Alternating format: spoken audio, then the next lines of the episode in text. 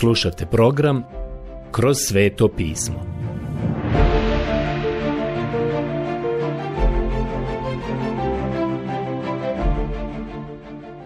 Knjiga Izlazak. Odlomak Izlazak poglavlje 4 od 22. stiha do poglavlja 6 5. stiha. Prijatelji, danas dolazimo do 5. poglavlja i postoji nešto što bih vjerovatno trebao spomenuti jer će se to iznova i iznova pojavljivati u Starom Zavjetu, a to je odnos prema Bogu pojedinaca u Izraelu. Prvo ćemo govoriti o knjizi izlaska 4.22. Nikada se Bog nije obraćao pojedincima u Izraelu, niti je nekoga pojedinačno zvao sinom Božijim. Vidjeli smo u četvrtom poglavlju u 22. stihu šta je Bog rekao o naciji, ja sam bio toliko zauzet pričanjem o Mojsjevom porodičnom i bračnom životu da nisam govorio o životu nacije. Sada mi dopustite da pročitam sljedeće. Tada reci faraonu, ovako govori gospodin. Izrael je prvorođeni moj sin. Knjiga izlaska 4.22 Izraelska nacija kao takva se smatrala sinom Božijim. I mislim da je svaki pojedini Izraelac, a to ćemo vidjeti usput, morao imati to iskustvo novog rođenja da bi stupio u savez ili možda bolje reći da bi došao pod savez. Kao što smo već vidjeli, znak i potvrda toga je bilo obrezivanje. Ono je bila oznaka toga. Ali kao što se vjerovatno sjećate, apostol Pavle je to veoma jasno izrazio u poslanici Galačanima. Rekao je, zaista u Kristu Isusu niti što pomaže obrezanje ni neobrezanje, nego novi stvor. Poslanica Galačanima 6.15 Drugim riječima, danas ima jako puno ljudi koji se čak hvale činjenicom da ne pripadaju crkvi i ne čine ovo ili ono, i ne prolaze kroz ritual i svačim se još hvali. Prijatelj, to nije zahvalisanje, tu nema ništa čime bi se neko mogao pohvaliti. Bilo da imate ili nemate, to je unutrašnje iskustvo. Treba doživjeti novo rođenje. Ja vjerujem da je svaki pojedinac, Izraelac, morao proći kroz to, ali nacija kao takva je nazvana sinom Božijim i svako je morao ući sa tom oznakom, sa spoljašnjim obrezanjem, ali vidite da je ovdje ipak riječ o unutrašnjem odnosu. O tome ćemo s vremena na vrijeme imati još puno toga za reći, pogotovo kada Bog bude poslao izraelski narod u robstvo. Nazad na peto poglavlje. Ovdje sada u petom poglavlju mi zapravo započinjemo novi odjeljak, a to je takmičenje sa faraonom. Želio bih reći nešto preliminarno o ovome, jer ćemo napredovati prilično brzo kada krenemo u taj dio knjige izlaska. Vidite, ono što se sada dogodilo ovdje je sljedeće. Mojsije se vraća u Egipat nakon 40 godina izbivanja. Bog je sada spreman osloboditi svoj narod. Izbavitelj je sada spreman. Mojsije je spreman. On je trebao okupiti starješine Izraela i svi su trebali otići faraonu, iako se znalo da će ih faraon odbiti. To odbijanje će otvoriti borbu između Boga i egipatskih bogova. Zapravo, to nije bila bitka protiv naroda Egipta. Bila je to borba protiv bogova Egipta. Pomenute pošasti zapravo nisu bile slučajne. Drugim riječima, kada je Bog poslao pošast žaba, nije rekao Pitam se šta bih mogao sljedeće učiniti.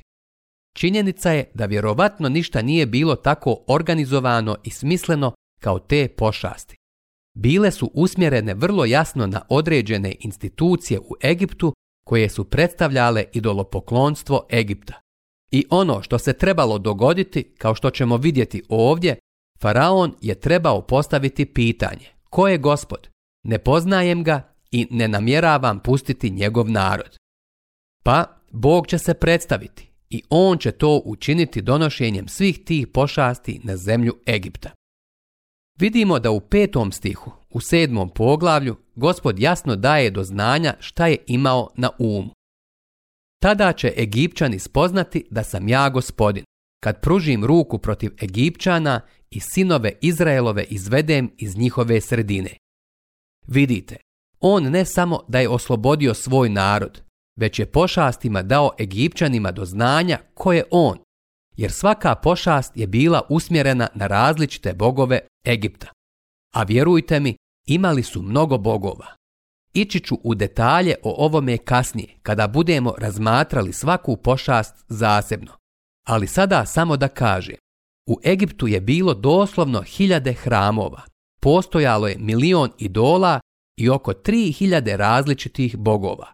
To nadmašuje sve ono što danas imamo u ovoj zemlji. Postojala je moć u egipatskoj religiji. Neko će reći, ne misliš tako. Prijatelj, ja to stvarno mislim. U tome je postojala sila i moć. Egipćani nisu bili budale. Ne znam zašto mi danas podrazumijevamo i sebi stalno prisvajamo superiorno znanje u odnosu na ljude iz prošlosti. Samo zato što imamo tranzistorski radio.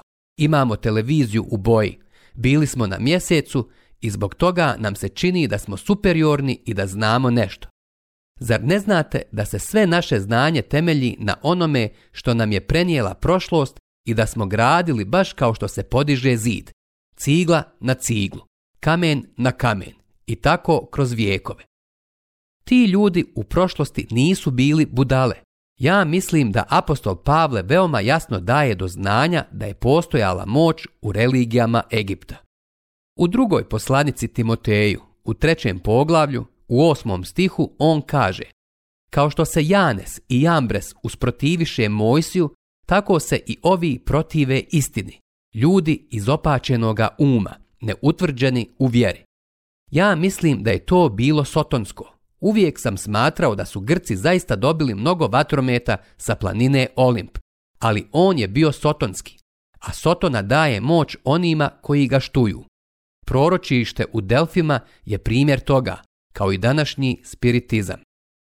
Pošasti su bile usmjerene na bogove Egipta, protiv idolopoklonstva, protiv faraona, protiv Sotone. I ja to volim zvati bitkom bogova, jer je to upravo ono što se i dešavalo. Poslušajte sada 12. stih u 12. poglavlju knjige Izlaska. Ovo je bila posljednja pošast. Poslušajte ovo. Jer ću u toj noći proći kroz egipatsku zemlju i pobit ću sve prvorođence u egipatskoj zemlji, čovjeka i stoku i sudit ću svim egipatskim bogovima ja, gospodin. To je definitivno bila borba bogova. Bog usmjerava pomenute pošasti protiv idolopoklonstva, Egipta. Naravno, imala je za cilj i to da otkrije Izraelu Božju sposobnost da ih izbavi. Bila je to još jedna veoma važna lekcija. Vidite, oni su bili rođeni u ciglanama, bili su okruženi idolopoklonstvom i njemu podređeni. I Bog im je morao pokazati da je nadmoćniji i da ih on može izbaviti. Dozvolite mi da kratko prođem kroz te pošasti, samo da vidite da u njima ima smisla. Mojsije je prvo učinio čudo da se štap promijeni u zmiju. I egipatski mudraci su to učinili. To je nešto što nam pokazuje i otkriva da i Sotona ima određenu moć, ali koja je ograničena. Zatim se Nil pretvorio u krv. Plodnost te zemlje zavisila je o izlijevanju Nila koji je donosio i gnojivo i vodu. I zbog toga su tu rijeku smatrali svetom. Nil je Ozirisu bio svet Svakog su proljeća postojali poganski obredi. Život je sada postao smrt. Ranije je Nil donosio život, ali sada se to pretvorilo u smrt. To je uzrokovalo to što se voda pretvorila u krv. Zatim su došle žabe. Bile su prljave i ružne. Veoma zanimljiva stvar je da su Egipćani štovali svaku životinju koju su poznavali ili koju su mogli zamisliti. Obožavali su heku, božicu sa glavom žabe i ubijanje žaba se smatralo prekršajem. Prijatelju, ali kada se probudite i ukoliko svakog jutra imate žabe u svome krevetu, žabe na podu, žabe u kuhinji, padne vam na pamet da ih ubijete i poželite da ih ubijete, ali one se smatraju svetima. Do tada su egipatski čarobnjaci činili iste stvari, ali nisu više to mogli pratiti. Sljedeća pošast su bili komarci i egipatski čarobnjaci nisu mogli ponoviti istu stvar. Ovo nas tjera da povjerujemo da su i pređašnja čuda koja su oni učinili bila lažna, ali barem su bili u stanju da ih ponove. Geb je bio bog zemlje, a komarci su nastali od zemaljske prašine. To je meni veoma zanimljiva stvar. Onda je došao sud bubama, a to je povezano sa insektom koji se zove skarabej. To je ono što danas pronalaze u egipatskim grobnicama. Skarabej govori o vječnom životu. Kornjače su bile svete bogu Ra, bogu sunca, Ra Amonu i Kepriju, bogu Skarabeja. Nakon toga je došla pošast na stoku, jer Egipat je bio zemlja zoolatrije. Obožavali su cijelo životinjsko carstvo, a posebno apisa, crnog bika. Želim vam reći da je to prilično smiješno jer će se Egipćani morati klanjati bolesnoj kravi. Nemojte mi reći da u Bibliji nema humora i mislim da se Bog sigurno osmijehnuo u ovoj situaciji. Zatim su došli čirevi. Padala je tuča ili led i ovdje sada Bog počinje demonstrirati svoju moć nad Isisom, glavnim bogom zraka, atmosfere i sada se kreće prema tim bogovima. Nakon toga su došli skakavci, što je ukazivalo na to da su usjevi bili prokleti. Bio je to dokaz Božijeg suda. Vidimo to u knjizi proroka Joela i u knjizi Otkrivenja. Onda je nastupio mrak. Vidite, Egipćani su obožavali boga sunca Ra Amona, koji je bio predstavljen kao disk iz kojeg su izlazile zrake. Kada sam bio u Egiptu u muzejima, i oko starih zgrada i ruševina koje su tamo možete vidjeti taj znak iznad vrata. Ra Amon, to je disk sunca i zrake koje izlaze iz njega. Pa sunce se sakrilo i u Egiptu je nastupila tama. Na kraju je nastupila deseta pošast, smrt prvorođenih, a prvorođeni su pripadali bogovima Egipta. Drugim riječima, Bog je samo uzeo ono što je pripadalo egipatskim bogovima ovdje je bila ogromna stvar to što je Bog ovdje radio. On je pokazivao Egipćanima i uvjeravao faraona, a također je vodio svoj narod do toga da ga upoznaju i prihvate. Prijatelji, mislim da je veoma važno to uvidjeti. Neki ljudi sve ovo žele učiniti smiješni, ali nije smiješno. Možete zamisliti koliko je idolopoklonstva bilo u Egiptu. Usput govoreći, Bog je kasnije kroz proroka Izaju predvidio da će svaki idol nestati iz zemlje Egipta. Vi znate da su danas tamo muslimani i oni uopšte ne dozvoljavaju idole. Zemlja koja je vjerovatno bila nakrcana sa više idola nego bilo koja zemlja, a to uključuje i Babilon. Ta zemlja je danas ispražnjena od idola. Svaki od njih je nestao. Ako odete u stari Memphis, jedino što je tamo ostalo je velika statua faraona. To je zbog toga što je Bog rekao da je to grad iz kojeg će ukloniti apsolutno sve idole. Svi su uklonjeni, svi su razbijeni i to je strahovito velika stvar. Sada imaju zgradu iznad te statue faraona, a nekada je sve bilo na otvorenom.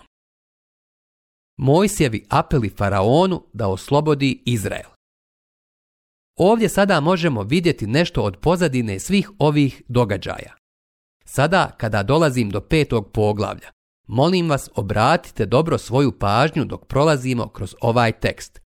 Prvo ću da pročitam prvi stih. Na to odoše Mojsije i Aron i rekoše Faraonu. Ovako govori gospodin, Bog Izraelov. Pusti moj narod da ide, da mi u pustinji slavi svetkovinu. Knjiga izlaska 5, 1. Vidimo da je ovo trebao biti prvi korak. Nisu došli kod faraona i rekli mu pusti moje ljude, odlazimo odavde, idemo u obećanu zemlju. To nije bilo tako, već su zatražili da ih pusti da izađu u pustinju i poklone se Bogu. Naravno, to je bila priprema ili omekšavanje za ono što će kasnije da dođe. Ali zapazite reakciju faraona. A faraon odgovori. Tko je gospodin da ga slušam i pustim Izraela da ide? Ne poznajem gospodina, a neću ni pustiti Izraela. Knjiga izlaska 5.2 Dvije stvari ovdje možemo vidjeti. Ne poznajem gospoda i ne namjeravam pustiti Izraela. Faraon sigurno ne poznaje gospoda, jer u protivnom bi rekao, pustit ću Izraela, ali on će upoznati gospoda i to je dio svrhe ovih pošasti. Čitamo sada stih 3. Oni odvratiše. Bog Hebreja objavi nam se. Mi bismo htjeli otići tri dana hoda daleko u pustinju da tamo žrtvujemo gospodinu, svojemu Bogu, da nas ne pohodi kugom ili mačem. Knjiga izlaska 5.3 Drugim riječima, Bog će nam suditi ako sada ne napravimo ovaj korak. Ali im egipatski kralj odvrati.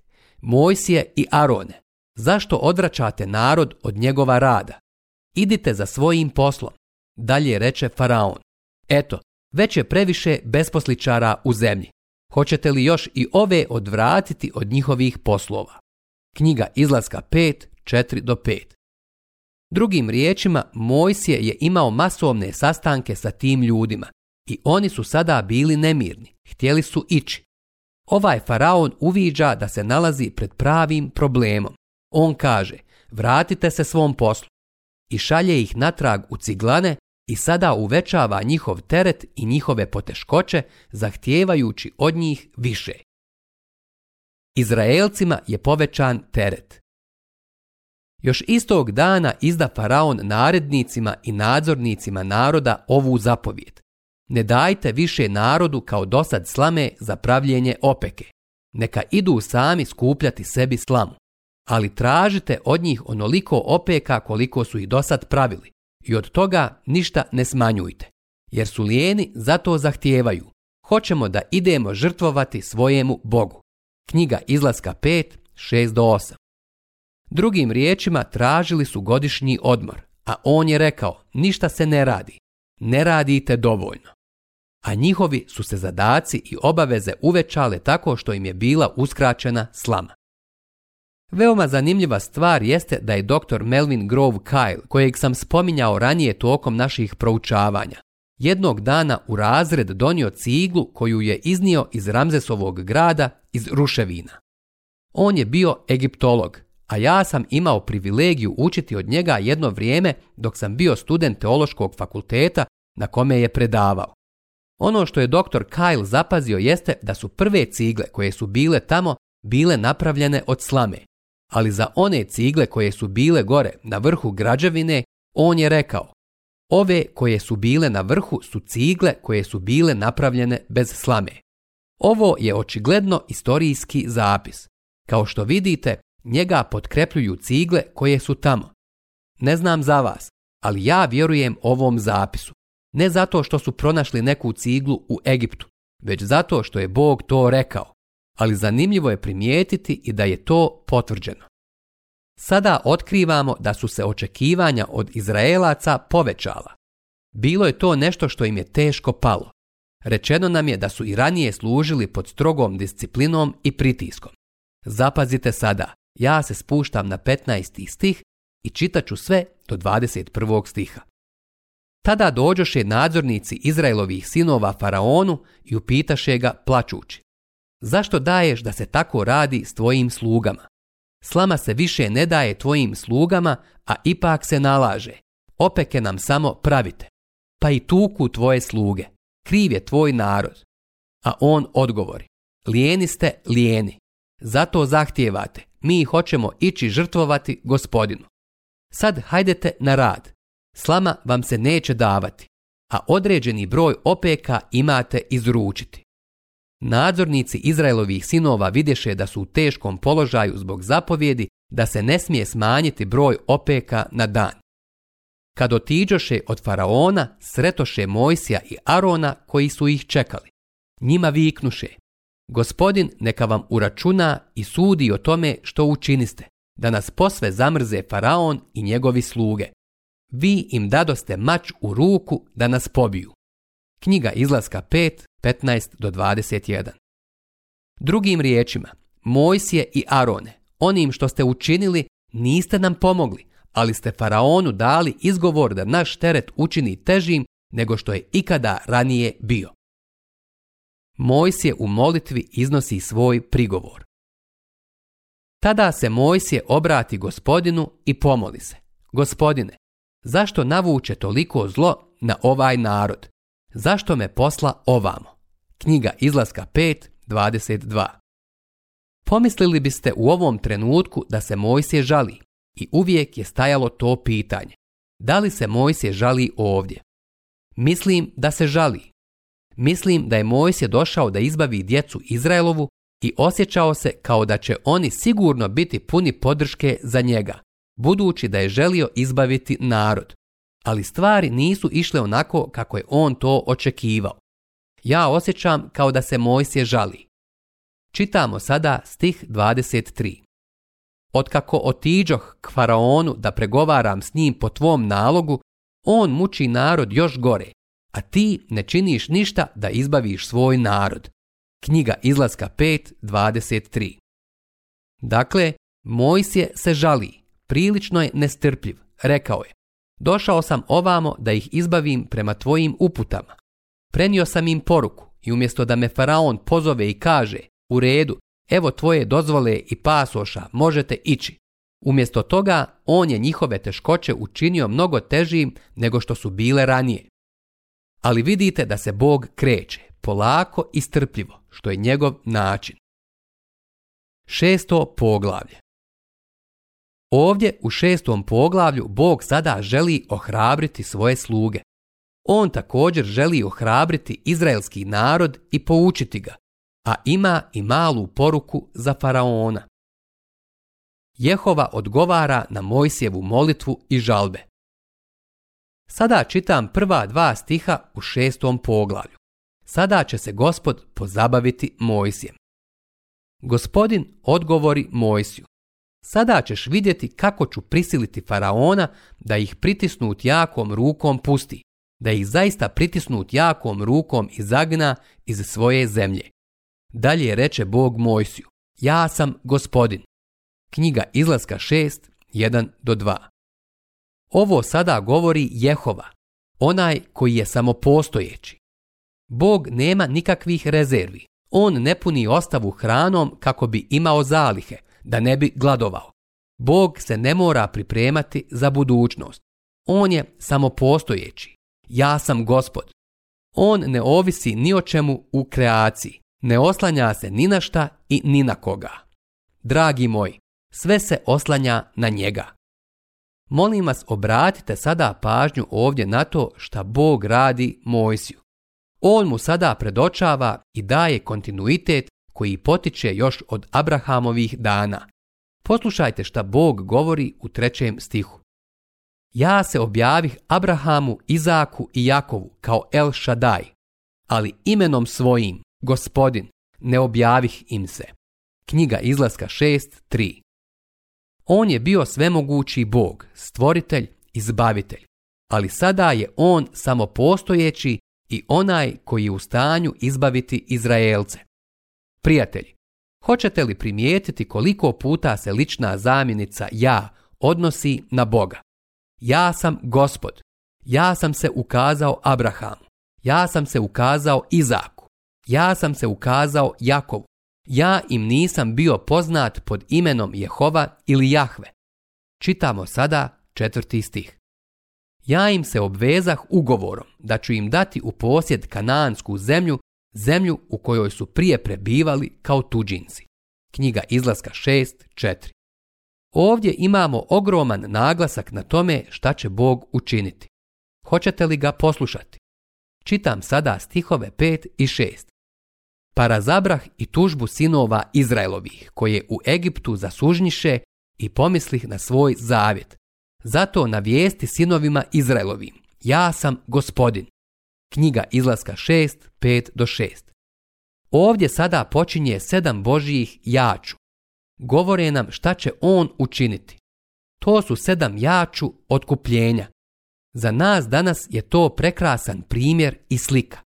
Za Mojsija je to bio veliki poticaj toga dana. Bog kaže ko je on i kaže šta će on učiniti. Vi i ja danas imamo spasitelja on je onaj koji kaže da jeste i on može spasiti u potpunosti.